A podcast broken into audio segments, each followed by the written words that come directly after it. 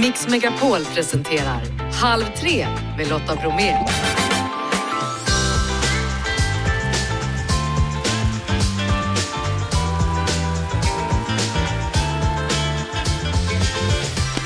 Hallå där och varmt välkommen in i Halv tre-studion. I dagens fredagsmix, Christopher Hivju från Game of Thrones och aktuell i nya Beck-filmen som har premiär idag, Quid Pro Quo på Kanal Plus. Han är dagens gäst och kommer strax efter tre. Vi berättar om årets bild och vi pratar om utvecklingen i Tove-fallet. Det blir en härlig säsongsost med tillhörande vin och eh, härnäst fredagsäng då. Idag denna St. Patrick's Day som vi givetvis också ska fira. Fredagsäng idag med Anders Lundin och Anis Don Demina. Snacka om innehåll. Nu kör vi! Välkommen Anders! Tack så mycket. Välkommen Alice! Tack.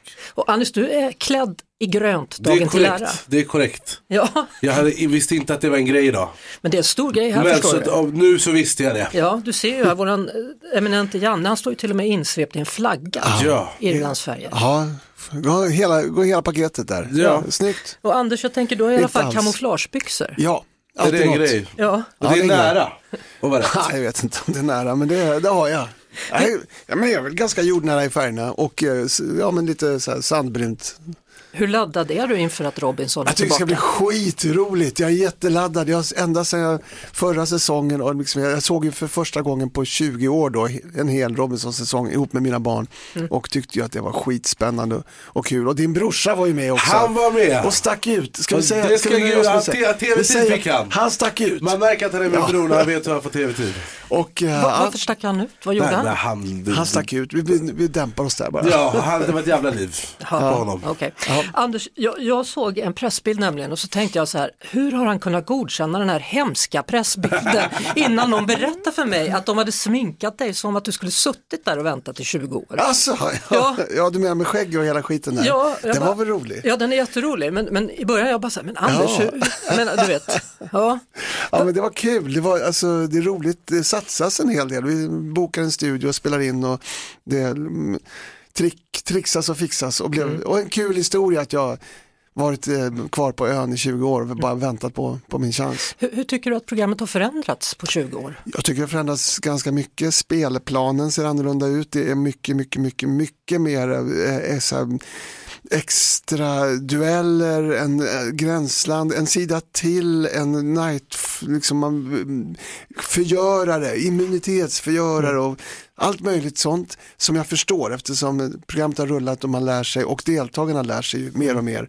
Om, och sen även tycker jag själva byggena, alltså örådet är ju tio gånger vassare än det någonsin var. Nej, jag tänker också att, att människor har ju förändrats. Mm. Eh, De som deltar i programmen, de är vana att som Annis bror då, kanske ta plats och märkas. Mm. Ja, Alltså det känns ju också folk som söker till tv-program 2023. Det är inte så att de bara vill ha sig en liten utmaning.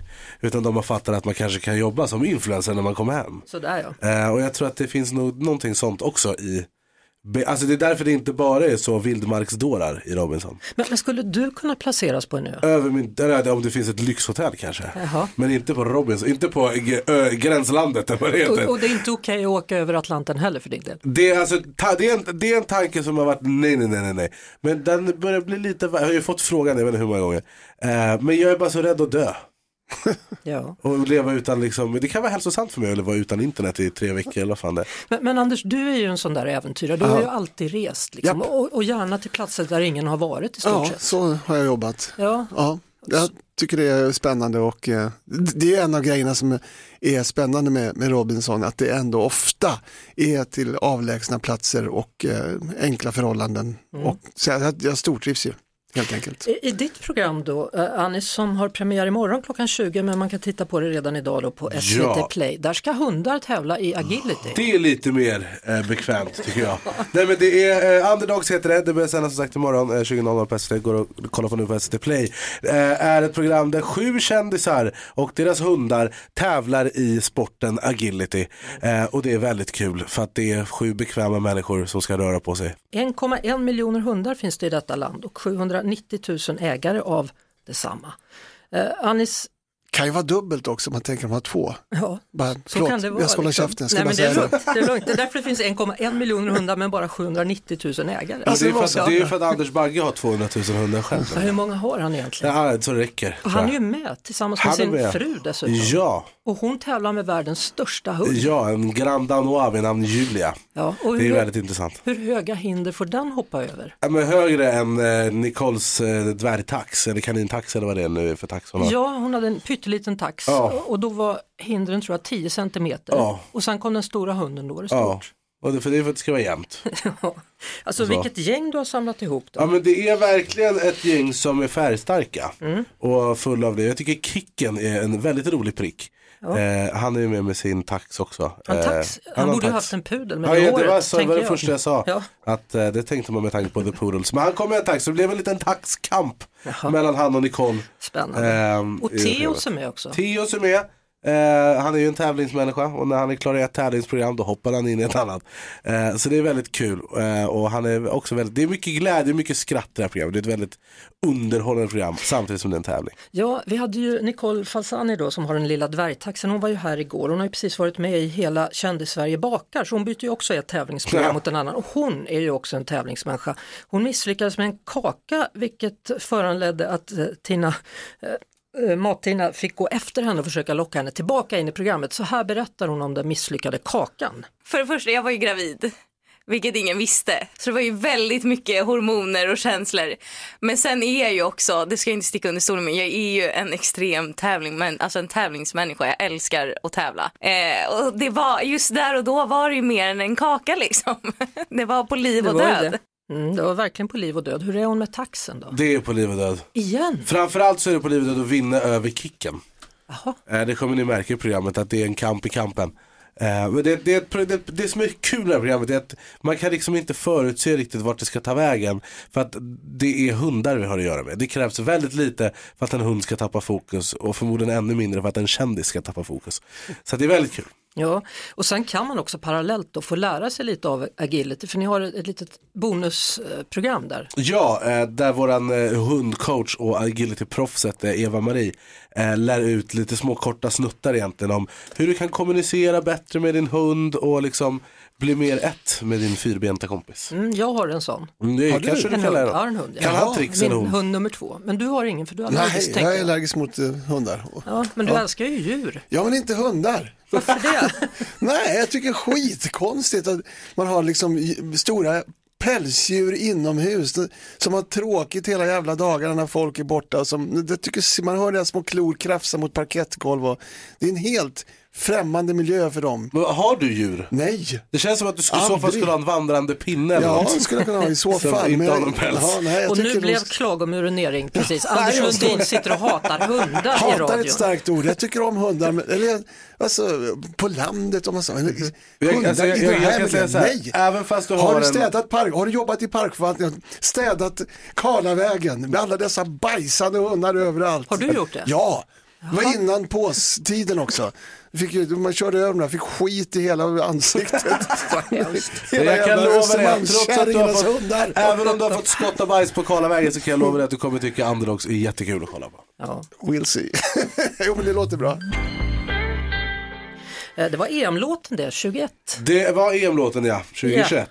Och då ska vi lyssna på vår förbundskapten Janne Andersson. Så här lät det i veckan. Och sen kom vi överens om att han känner sig så pass bra igång efter de här tre inhoppen så att han kan komma in och tillföra på planen, för det är ju det det är frågan om. Dessutom har jag uttryckt tidigare att hans personlighet och hans ledarskap i spelargruppen är, är bra även vid sidan av planen. Det kommer vi ha nytta av. Han kanske ska bli tränare. Det? Det var så de tänkte också när de ringde mig och ville att jag ska göra Robinson. Eh, Precis samma, ordagrant. Exakt det här. Anis, vad Ja. betyder det att Zlatan är tillbaka i Nej, landslaget? men man blir ju lite så pirrig i magen och får lite hopp. Att han ska komma och göra bicykletas från halva planen. Ja, ja. Man vill ju tro att han fortfarande har det i sig. Ja, eh, men han, jag har sett en video på hans knä när det liksom vibrerar. Och han sprutar i någon, jag vet inte fan vatten eller vad fan det Det är nog Eh, nå- någonting starkare än så, skulle Ja, man tro. det är förmodligen. Eh, så jag, jag vill bara att han inte ska göra illa sig. Nej. Det är lite så jag, jag sitter och är nervös varje gång också när han kommer Ja. in och spelar för Milan nu. Han kommer Ja. in i slutet. Gjorde liksom, han? när- ja, Har han har gjort det tre gånger nu. Ja. Alltså en kvart, gick 20 det? minuter. Berätta, berätta allt. Han höll på att göra mål i senaste matchen Det faktiskt. gills, det gills som mål. Jag älskar också att han gör tre inhopp och så bara, ah, Ja, jag kan ta landslaget. Det är lite så, ska bära dem i Ja, ett mästerskap. lite, man, blir, man blir ju glad samtidigt som det är bekymmersamt att svenska landslaget, man blir glad över att världens äldsta fotbollsspelare vill spela med Ja. dem. Men jag tycker verkligen landslaget borde lägga full fokus på Dejan Kulusevski och Isak och liksom vi har jävligt bra spelare. Mm. Eh, så jag tycker de borde inte lägga all fokus på Zlatan nu. Bara, alltså, ge Zlatan det han vill ha eh, och den uppmärksamhet Det han förtjänar. Ja. Men glöm inte, för det är en lagsport, det kräver liksom mer än en person. Fast jag, Men det är var bara en så- som gör bajs och kletas från halva plan. Ja, det är det. Men, men är det inte ändå så att, att Zlatan liksom växte när Milan tog titeln och han höll sitt tal? Och Det i är det stort fetaste sett- klippet som ja, finns på internet. Ja, i stort sett rev hela omklädningsrummet. Ja. Då var han verkligen en lagspelare Men där det var han. Han är nog en lagspelare. Ja, jag tror jag också. tror också bara att eh, om, han kanske är van vid en högre nivå än vad landslaget har att erbjuda. Eh, Så och kan då, det då blir det liksom inte samma rull på bollen. Eh, men han är en otrolig ledare. Alltså det, jag fick ju gåshud från mars när jag såg det klippet när han välte bordet och hade sig. Så det är mäktigt. Han är en otrolig man. Det här är bortom min kompetens. Jag var med ett tag, det får ni ge mig. Men, men Anders, du är väl en hockeykille? är det Foppa, det här är samma som när Foppa höll på. Foppa kommer varje år. Han har ont i foten, Ah, han får vänta ett tag. Nu kommer han, Foppa kommer. Nej, ont i Nej, det var någonting med fel skridsko. Vi bygger om en skridsko. Ja, men jag, det, är, jag satt upp, det är enda gången jag har suttit uppe, verkligen ställt klockan på natten när skulle göra comeback. I, var, det- var det Philadelphia på slutet eller Pittsburgh? Nej, jag kommer inte ihåg. Det här borde jag ju veta. Hur är. Sverige i hockey idag? Hur är Sverige? Vi är skitbra. Är vi? Har alltid varit. Det känns som att vi liksom är alltid i final och så förlorar vi mot jo, men, Kanada. men, typ. men ändå, det, det, om vi jämför med fotboll, där är vi ju inte riktigt. Nej. Nej, men vi är, vi är bra. Det är Ja, mitt svar okej. på den frågan. Ja. Camilla Kvartoft hade premiär för ett nytt tv-program i veckan. är det inte så att man ganska ofta kan känna att det är väldigt ödesmättat klimatfrågan, man kan känna en viss maktlöshet. Men då kan vi ändå i programmet peka på att det är väldigt många som är engagerade i den här frågan, man gör väldigt mycket. Mm, så sa Camilla och Anders, du var ju här och pratade om ditt klimatprogram för några veckor sedan. Alltså det, det, Mm, längre än så ja, kanske, längre än men- så, men ja. ändå, det känns som det var igår. Ja, Ja, eh, alltså, vad gör man åt det här? För du är väldigt, du är engagerad. Ja, jo det. Ja, men vi är i mycket med SVT och eh, naturprogrammen vi gör och då gjorde vi ju rewilding, vad, vad det handlade om. Och, eh, det handlar väl, rewilding handlar väl om att laga ekosystemen. Det är en, vi har en jordglob som pyser, som börjar läcka mer och mer. Och så får man försöka stoppa Ja. in och laga så mycket som går. Det var ju eh, på Langkawi då där vi faktiskt möttes Ja. en gång för väldigt länge sedan. Ja. Vi hade valt att semestra där utan att vi visste om varandra. Eh, hur var det att vara tillbaka där? Var det skillnad från när vi var där? det var det. Alltså, vilket sätt? Rubbat med plast i havet är det ju ändå, trots allt. Så att det, Så ja. ni var tvungna att gå och plocka då för att kunna spela in? Eller? Ja, vi hade en ganska bra inspelningsplats då, men, men där, där vi bodde var det väldigt mycket av den Oj, varan. Ja, och sen, är- ja, men det är annorlunda. Det är svårare och svårare att hitta de här övergivna platserna. Vad säger du? Nej men man får göra det man kan. Ja. Tänker jag. Jag, jag vet inte hur mycket man kan göra. Som, vad kan man göra? Man kan eh, sortera. Ja, men utöver de här liksom van, Jag hoppade, badade i Göteborg med Anneli Pompe för Världsnaturfonden. Jaha, det är bra. Det, jag, vet att, det, jag vet att det var någon sån grej jag gjorde för att det inte skulle vara skit i havet. Kallt var det som fan så jag Jag var badade med Anneli. Pompe i Göteborg. Ja, fan vilken miljökämpe ändå. Tack, äntligen! Får jag den respekten förtjänar. Ja, men, jag håller, men vet du vad, jag håller med dig. Man gör det man kan, absolut. Ja, jag nej. tycker det. Och man, man ska rösta på partier som kämpar för ett bättre ekosystem. Tycker jag är det största man kan göra. Sen får man göra små saker. Äta mer vegetariskt, ställa bilen oftare. Eller köra elbil. Eller köra elbil. Det kan man De är också lite göra. nu för tiden bara. Hörni, Underdog, Anis Don Demina premiär imorgon klockan 20. Ja. Redan idag om ni vill tjuvtitta på SVT Play. Ja. Anders Lundin Robinson Ja, varje måste- dag. Vad Ja. gör du mer utöver Robinson? Ja, vad roligt att du frågar. Jag Ja. eh, har en pjäs Är som har sant? premiär på Uppsala stadsteater. Dag. Vad Olof. Olof, Olof Rudbeck. Vad gör du mer? Ja, men vad kul att du frågar! Jag ska ut på en stand-up-turné som heter Medias Ej. Ja. Eh, Där vi är åtta städer som jag skrivit tillsammans med eh, Babben Larsson bland annat. Eh, Så hon hjälper mig att liksom bolla skämt och lite sådär. ska Så jag det gå är och kul. titta på din Och föreställning. jag ska till Uppsala! Olof, Olof, Kul! premiär 25 mars, Uppsala biljetter stadsteater. Varsågod Lotta, nu får du runda av. Tack ska du ha. Stort tack för att ni kom hit. Gotcha! Det var Fredagshänget. Halv tre med Lotta Bromé. Hörrni, det är fredag, det betyder att det finns ett bonusvalv Vad skulle du göra med 300 000 kronor? Snacka om att det finns guld vid ändan av regnbågen denna St. Patrick's Day. Efter klockan 16 så kan det vara dig som Erik ringer till. Det är enkelt att vara med. Du smsar bonus till 72104 och eh, det här smset kostar då 17 kronor. Och om Erik ringer dig då ska du säga den exakta vinstsumman så får du pengarna direkt in på kontot. Stort lycka till! Hörrni, idag har en ny Beck-film premiär på Seymour som heter Quid Pro Quo. En av skådespelarna är Kristoffer Hivju. Han spelar Steinar Hovland ännu en gång och du känner kanske igen honom från Game of Thrones och Cocaine Bear om du inte har sett honom. Han har gjort en del Beck-filmer också. Varmt välkommen! Tusen tack, tusen tack. Hur känns det att vara här på St. Patrick's Day? Du har erfarenhet av att fira den har jag förstått. Ja, det är fantastiskt. Och när man är i Irland då kommer det så mycket trommeslagare nedover gatan att du får inte, du får inte, får inte sova. Nej, utan man firar och firar och firar. Ja, riktigt. Ja, riktigt. Var du med då eller står du bara och iakttar? Hur funkar du? Uh, nej, jag måtte, måtte ju ut och se, uh, men jag visste inte helt vad de firat så hoppas ni kan lära mig det. Mm. är det tolfte filmen nu? Tolfte Beck-filmen? För mig är det tolfte filmen, det är den 48 Beck-filmen totalt. Ja, och, och, har du läst några recensioner eller hur har du haft det? Uh, nej, men jag har sett filmen och då är jag stolt och då är jag förnöjd. Ja, man kan ju säga så här då att du i alla fall har fått fina recensioner. Ja, det är hyggligt. Mm, man säger att det är kul att du är tillbaka för du tillför alltid någonting oavsett vilken film du är med i. Ja, så hyggligt. Så stort grattis för det. Tack för det. Är, är, du större i Sverige än Norge eller är du störst i hela världen? Eh, jag måste säga att eh, jag blir gott tagit emot här i, här i Sverige. Eh, jag syns det. Mm. Ja. Och uh, Game of Thrones då, jag måste bara berätta om det. Här har det ju varit då på, på radion vadslagning inför sista programmet, vilka som skulle överleva och vilka som skulle dö. Ja. Och han som står insvept i en irländsk flagga här, han vann. Han trodde att du skulle överleva till exempel. Han gjorde det, Ja. tusen tack. Jag gjorde, jag gjorde det för dig. Eh, Blir det någonsin någon mer eh, Game of Thrones eller är det klart nu? Altså Det er jo House of the Dragon som er den nye spin-off-serien som foregår tidligere.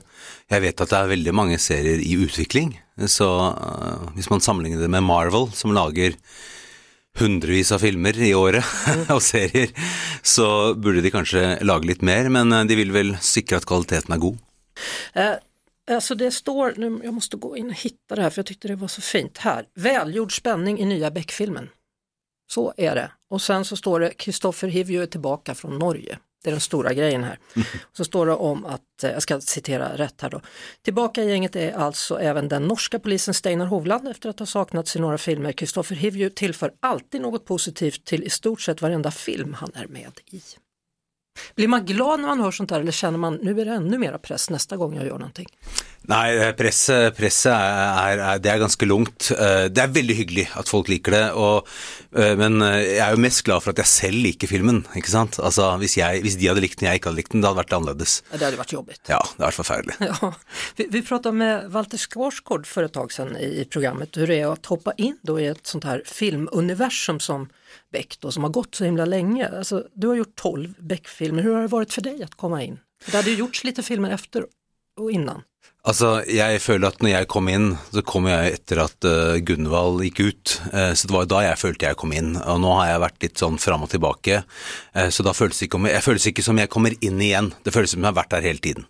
Bare med en liten pause. Hur, hur skulle du beskriva nya filmen Quid Pro Quo, vad händer i den?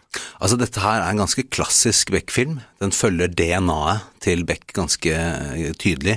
Eh, den begynner eh, med et brott som har skjedd i en, en loppis, og så vokser plottet større og større etter hvert. Så ja, jeg vil si at det er en, en, en klassiker. Redan innan den ens har Ja börjat? det vil si det. Ja, vad kul. Hur är det att jobba med mord? Altså, denne gangen så tenkte jeg at Steinar syns jo det er Han elsker jo jobben sin, og han syns det er veldig skøy å holde på å løse mord. Så han er, han er i toppform i denne filmen her, og han eh, kaller det en kjøtt- og potetsak, eh, så han mener at det skal være enkelt å fikse. Men eh, han, han har det bra, altså. Han, er, han, er, han koser seg. Mm. Eh, kan man fråga dig och få ett svar om man frågar vad är nästa projekt? Det kan jeg ikke si, eh, men det er et. Det är alltid så. Ja, men det, er- det er sånn, vi har ikke lov, ikke sant. Det må først komme ut først. Den riktiga vägen, ja. Man Ja, kan inte sitta ja, här och skvallra. Nej, nej, nej. Men är det något stort projekt? Ja, det är det. Det är alltid, eh, nej det är inte alltid det. Nej, det är, det är ett stort projekt, det är det. Men, men är det i Norden eller är det i, eh, där borta? Det är overseas, Det är det ja. ja. Över dammen. Är det en långfilm eller är det en serie? Det är en serie. Ja. Hur många fler frågor tror jag Du, får altså, svar på? Jeg, var, jeg, var, jeg var med i Game of Thrones i seks år, og jeg klarte å ikke spoile noe i løpet av de seks årene. Eh, Så, så du, du kan bare kjøre meg, altså. Men eh, det är en serie i alla fall. Det det. Som kommer upprepas i år efter år efter år. Då. Vi får se, Och en stor känd regissör också. kanskje det. Ja, Who så är det. Spännande. Du, ditt skägg är lite kortare än vad det brukar vara. Ja, du har lagt märke till det? Ja, Ja. och det är många som har gjort det tydligen. Ja. Ja, många som säger, varför har han gömt sitt vackra ansikte under skägget, säger de. ja, nå sier de hvorfor jeg har gjemt mitt vakre ansikt uten skjegget. Eh, nei da, det er, jeg måtte ta det for en rolle, så nå, nå er det på sakte vei ut igjen, men eh, du vet, skjegget følger rollene, det er ikke omvendt. Så är det. Eh, Jag, jag tänker så här, Kristoffer, att du är ju också med i, i tv-reklam ihop med Peter Stormare. Ja, det stemmer. Och han är ju en kul typ. Oh yeah. Ja, ni måste ha haft underbart när ni spelar in de här små filmerna. Ja da, det, det er moro det, altså. Vi eh, vi er av samme alen. Ja, och, och det måste väl göra ännu mer då att folk verkligen känner igen dig i Sverige när du går omkring på gatorna. Som Ja, en det, vanlig man. det kan være, det kan være. Men Ja. det eh, det er Beck de for. vet du. Ja det är det säkert också, troligtvis. Och eventuellt också lite andra grejer som du har gjort. Då. Cocaine Bear, Turist, Fast and the Furious, The Witcher. Alltså, hur, räknar du dig själv som en Hollywoodskådis nu? Jeg vet ikke hva en Hollywood-skådis er, men jeg, altså den første filmen jeg gjorde, eh, The Thing, eh, prequelen til The Thing, min gamle film fra Kurt, med Kurt Russell fra 1980-tallet, det var jo min første amerikanske film, og første film. Så jeg begynte jo med i amerikansk film. Eh, og, og så, ja, så har jeg liksom alltid kommet tilbake og gjort, no, gjort noe hvert år. Vi pratade om skägget, att det var lite mindre nu, men du har ju ändå, du har ett utseende som man, man känner ju igen. Är det, är det bra eller kan det vara svårt ibland? Altså nå har jeg jo egentlig klippet skjegget, eh, begynt med The Witcher, som jeg gjorde midt under pandemien. Så jeg har jo egentlig vært skjeggløs nå i ganske mange år, eh, og da har jeg vært eh, usynlig. Så da har jeg måttet blitt eh, unfamed, kan du si. Og det har også vært en befrielse. Ja, alltså, men känner du sådär att du, att du får spela samma typ av roller eller känner du att du är fri att kunna göra precis vilken roll som helst? Nei, altså det er mange som har spurt om det, og, og, men eh, det, jeg føler at jeg har spilt veldig mye forskjellig, altså. Altså, eh, selv om Steinar og Tormund Giantsbane har eh, skjegg, så er de veldig forskjellige mennesker. Så jeg føler, at det, føler ikke at jeg blir typecastet på det. Noe er det, men da kan jeg bare si nei, ikke sant. Hur ofta säger du nej till erbjudanden? Jeg sier nok nei eh, åtte av ti ganger. Det är så alltså? Ja. Häftigt, få så många erbjudanden eller? Jeg kan være veldig masete òg. Hur, hur var det när du var liten? Ville du bli skådis då eller var det här något som, Nei, da vil jeg bli rockestjerne.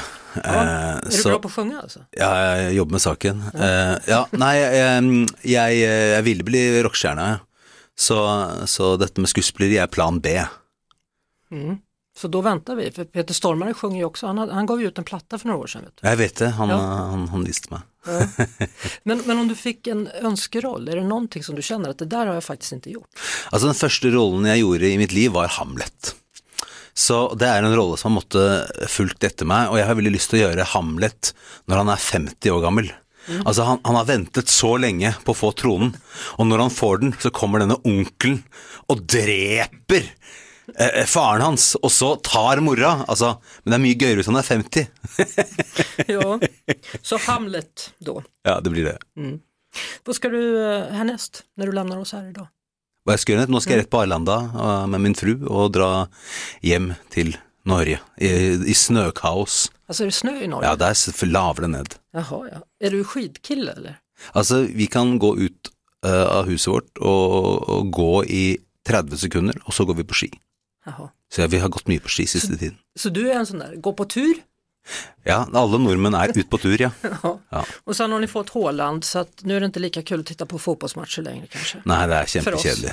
Ja. Men du är glad? Jeg er veldig Ja, glad. vi har i alla fall ABBA, det har inte ni. Ja, men vi har a-ha. Jag visste du skulle svara med det. Men vem vann guld? Ebba Andersson. Skid-VM. Eh, jag inte med på. Nej, nej. Det är bra för mig. Nortug, Nortug. Ja, den du. Han var, han var som han var. Kristoffer eh, Hivju, eh, jättekul att ha dig här och eh, stort tack för att du tog dig tid att berätta om nya Beck-filmen då, Quid Pro Quo som har premiär idag. Tack så mycket. Halv tre med Lotta Bromé på Mix Megapol. Eddie van Wessel är krigsfotograf och igår så vann han hur många priser som helst. Igår så prisades ju bildjournalister i den prestigefyllda tävlingen Årets bild och där tog Eddie van Wessel pris i tyngsta kategorin Årets bild. Han utsågs till Årets fotograf och han vann också kategorin Nyhetsreportage utrikes. Och det är bara att eh, rikta ett stort grattis till denna holländska fotograf. Thank you very, very much. I'm totally overwhelmed by what happened yesterday. Hans bilder är ofta då som till exempel årets bild tagna i svartvit. Varför använder han sig av svartvit fotografering? Uh, because I am under the impression that you don't really need colors to tell a story uh, like this. With a picture, you look at the facts, and for me, color will be just be a distraction of what I want people to look at. And also, uh, it's a signature. I only work in black and white just det här med svartvita foton då har blivit Eddie van Wessels signatur. Nu vet man att det är han som har tagit den här bilden för att den är just svartvit och han tycker att man behöver egentligen inte färg för att berätta det som bilden vill berätta. Hur viktigt är egentligen stillbilden när man berättar en journalistisk berättelse? The world is spinning faster and faster. We have all these images, but we only look at them for a few seconds and we are being overwhelmed by visual information. And then a photo, uh, maybe even a black and white photo, will just make you look and look again. And I think the signature also of a good picture that you can get your own feeling towards the image. Han menar att eftersom den här världen lever allt snabbare och snabbare och att vi hela tiden överöses med olika bilder som flimrar förbi så kan det finnas en poäng med att just ha en bild, vara stilla i den och att man själv då som betraktare faktiskt läser in det man läser in i själva bilden. Are you ever scared when you're out? Uh, actually, yes. If I'm not scared, I would immediately stop doing what I do because it's a very healthy signal that something is seriously wrong.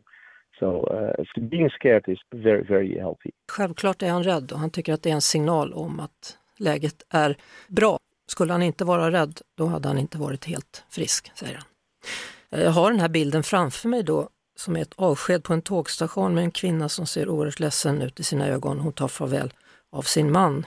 Måste varit känslosamma ögonblick. I made it in March of 2022. So many families got separated uh, because of the conflict. You know, people were confused, people were afraid. So mainly the woman and the children would leave and the men would stay to fight without the knowledge if they would see each other again. So this picture is symbolic for this separation of families and loved ones. And this woman was holding the hand of the man, and and then the train came in, and she started crying. And this is, yeah, this brings everything together: the the grief and the insecurity that war brings to people. Det berättar om den här bilden då där den här kvinnan står med tårar i ögonen eftersom tåget precis kommer in och då förstår hon att nu ska de skiljas åt och kommer de någonsin mötas igen? Och all den här oron då säger att det här fångar ögonblicket just när han tog den här bilden. Och så är ögonblicket vad gäller krig. Än en gång, stort tack Eddie van Wessel and again a big congratulations. Thank you very much for talking to me and, and uh, thank you very much for looking at the pictures again. Ja, det säger och skickar och riktar ett stort tack för att vi tittar på hans bilder. För han känner att det är det som också är en del av priset, att han faktiskt får publicera bilderna ännu en gång så att vi kan bli påminna om vad som försiggår i krigets Ukraina. Idag så väcks åtal mot två unga kvinnor som misstänkts då för mord på 21-åriga Tove i Vetlanda i höstas. Ett uppmärksammat fall som Katrin Krantz från Expressen har följt på nära håll. Välkommen till Halv tre. Tack. Ja, du befinner dig i Jönköping och har tagit del av förundersökningen. Då. Vad finns det att säga? Vad är det åklagaren menar har hänt Tove? Ja, åklagaren menar att de här två kvinnorna har mördat henne i samförstånd eh, och de har ju då ena kvinnan har, har då tagit ett strypgrepp på Tove. Och hon har erkänt misshandel, hon erkänner inte mord utan hon menar att hon, hon gjorde det här De började bråka och sen så dog Tove av det helt enkelt. Den andra kvinnan, hon eh, säger att hon inte har varit i badrummet när det här hände. Men eh, där skiljer sig deras historier lite grann åt kan man säga. De, de berättar båda två ungefär vad som har hänt men den yngre kvinnan säger att hon inte var, var närvarande och den äldre kvinnan säger att det, det var hon visst det, hon hjälpte till genom att hålla fast eh, Tove. Sen det som har kommit fram också som vi ju inte kände till var ju att efter att de då har eh, lämnat den här Toves kropp i skogen har den här äldre kvinnan då försökt sätta eld på kroppen och hon har ju sedan eh, kommit tillbaka ytterligare en gång, hällt bensin och försökt tända på. Så att det, det är ganska mycket detaljer som ja, har varit okända fram tills att åtalet väcktes. Och ganska otäcka detaljer dessutom. Då. Mycket, vad kan, mycket vad, otäcka. Ja, vad kan man säga om misstankarna om de här två kvinnorna och uppgifter om vad som har hänt henne? Är det vanligt med den här typen av våld? Väldigt ovanligt, väldigt ovanligt. Och det säger alla som, som jag har pratat med som har arbetat med den här utredningen på olika sätt att det är kvinnor som är misstänkta på det här sättet som har haft eh, den här typen av relation. Det är väldigt, väldigt ovanligt. Det är det verkligen. Du har ju varit på plats då och bevakat fallet i Vetlanda här. Hur tror du att de här uppgifterna kommer påverka människorna på orten? Ja, men det här fallet har påverkat väldigt många. Vi var i Vetlanda och det har precis varit begravning. Eh, Toves familj höll en privat begravningsgudstjänst och det har ju tagit väldigt lång tid då eftersom den här polisutredningen har dragit ut på tiden och kroppen har befunnit sig på, hos rättsläkare och så vidare. Men, men nu är ju liksom det kapitlet över kan man säga. Men det, det är någonting som har påverkat människor väldigt mycket. Jag tror att de här detaljerna, det här, om man nu får säga väldigt liksom brutala sättet som det här går till på det som har hänt efteråt, det de har gjort med kroppen och så, det är ju, det, det är ju liksom väldigt, um, det är tufft att, att höra. Oavsett om man varit nära bekant eller, eller bara i samma ålder. Det är en liten stad där många ändå känner eller känner till de här personerna. Tack så mycket Katrin Krantz, reporter på Expressen. Och det är alltså de två vännerna då, 20 och 18 år, som åtalas för mord och brott mot griftefriden. Eh, åklagaren menar att de agerat gemensamt och i samförstånd. De höll fast och kvävde Tove och 20-åringen tände sedan eld på kroppen två gånger. Detta enligt åtalet. Rättegång om några veckor. Mat och vin. Välkommen tillbaka till Halv tre, Robert Bengtsson, femte generationens ostföretagare från Osterian i Falköping. Tackar så mycket, roligt att få vara här. Det här med ost, hur mycket har den egentligen gått upp senaste tiden? Ja, lite olika på olika sorter olika länder, men någonstans typ 20-30 eh, procent eh, har de flesta gått upp nu under senaste året. Och de flesta av oss älskar ju ost och om man mm. då har lite knapert på grund av elräkningar och allt annat som kostar pengar, hur, hur ska man tänka vad gäller ost? Eh, man ser ju nu att konsumenten planerar ganska mycket, det tror jag är det mest rätta. Att man kanske öppnar de här reklambladen, om man nu får hem sådana på posten eller i appar eller vad det kan vara, där du faktiskt kan se att det är ganska mycket aktiviteter ute även på ost. Och då eh, brukar man kanske handla normalt i en butik men nu kanske man ska titta runt i olika butiker och racea runt lite för att hitta, eh, för även om osten har gått upp så mycket så finns det fortfarande ost som förhållandevis är väldigt bra i pris. Så att bara för att osten har gått upp så mycket så behöver inte det betyda att jag som konsument behöver utsättas riktigt för den höjningen utan jag kan ju själv välja lite ost om jag planerar lite. Billig ost, finns det speciella sorter? Jag tänker på sådana här ganska, alltså mera barnost. Ja, det man producerar så kan man producera så att säga, lite så här billigare sätt om man säger så. Då blir de här lite klassiska ostarna som kanske heter goda hushåll eller damer eller något. De gör sig i stora volymer och på ett sätt som gör att, att den håller en lite billigare prisbild. Så det är ofta de sorterna man ser utav de billigaste. Och det finns ju både svenska och även lite utländska varianter på dem. Då. Mm. Låt oss säga att man köper ett kilo och man kanske inte kommer göra av med det. Funkar det att frysa?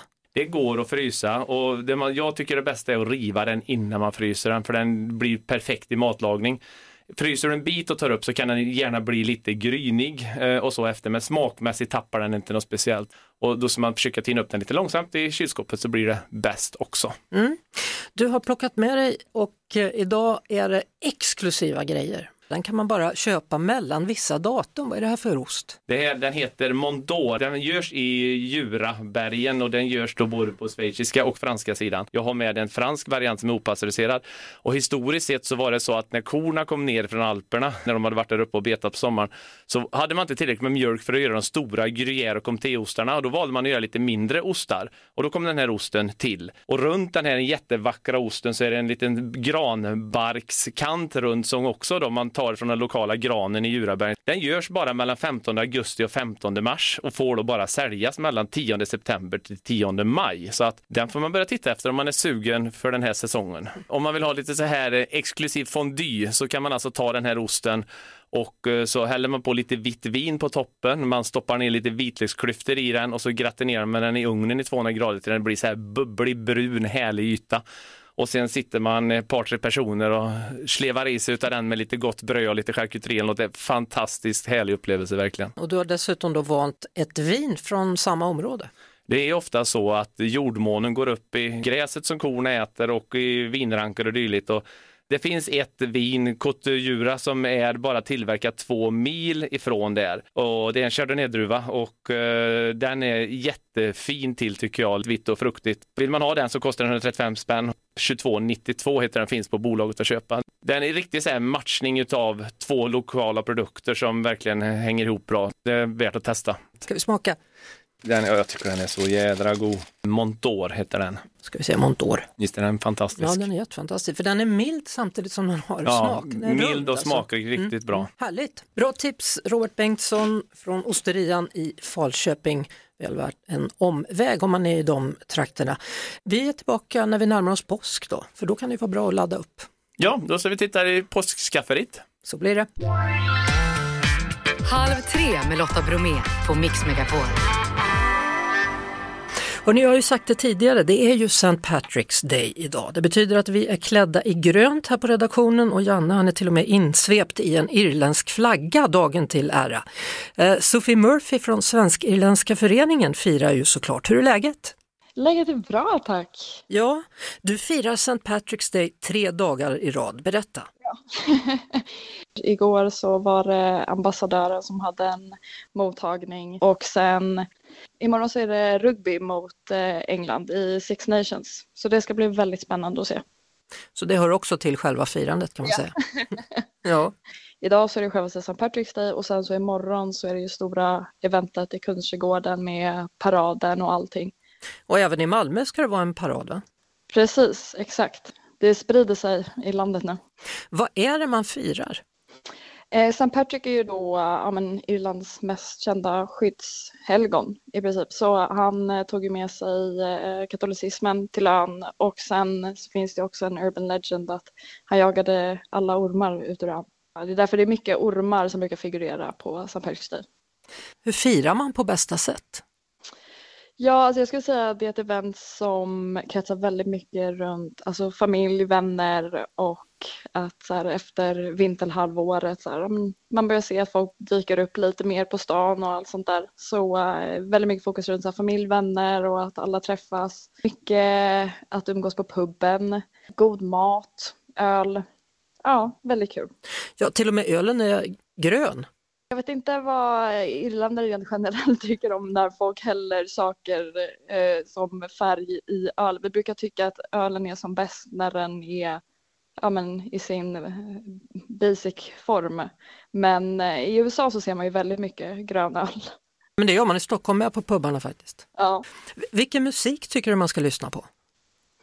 Oh, det finns jättemycket bra med traditionell irländsk musik. Det finns ju trad och så har vi ju Sean Noose som är med väldigt traditionell irländsk körsång i princip. Eh, men sen finns det också väldigt många bra irländska band. Det finns väldigt mycket bra att lyssna på. Berätta för mig om din kärlek till Irland och varför. Men min pappa är irländare. Så jag har ju vuxit upp i ja, men ett hushåll med två stycken kulturer, jag har två medborgarskap. Så då blir det alltså man känner sig lika mycket irländsk som man känner sig svensk. Så en, en grön öl, bra irländsk musik Ja. och sen kör man. Ja, det låter jättebra. Går det att jämföra det här med svensk midsommar eller? Ja, det skulle jag säga. Jag skulle säga att eh, de har ju inte så många andra högtider som man firar på det här sättet. Så det är som en mix mellan valborg och midsommar skulle jag säga. Säger jag glad St. Patrick's Day till dig då, Sofie Murphy. Tack så mycket. Från Svensk-Irländska föreningen och fira på. Tack så mycket. Hej då! Hörrni, nu tar vi helg. Janne, Lotta, Jeanette, producenten Jeff Neumann och vi hörs igen då på måndag. Tills dess, ha det så skönt. Poddtips från Podplay. I podden Något Kaiko garanterar östgötarna Brutti och jag, Davva, dig en stor dos skratt. Där följer jag pladask för köttätandet igen. Man är lite som en jävla vampyr. Man har fått lite blodsmak och då måste man ha mer. Udda spaningar, fängslande anekdoter och en och annan arg rant. Jag måste ha mitt kaffe på morgonen för annars är jag ingen trevlig människa. Då är du ingen trevlig människa, punkt. Något Kaiko, hör du på Podplay. Därför arkadeinerna.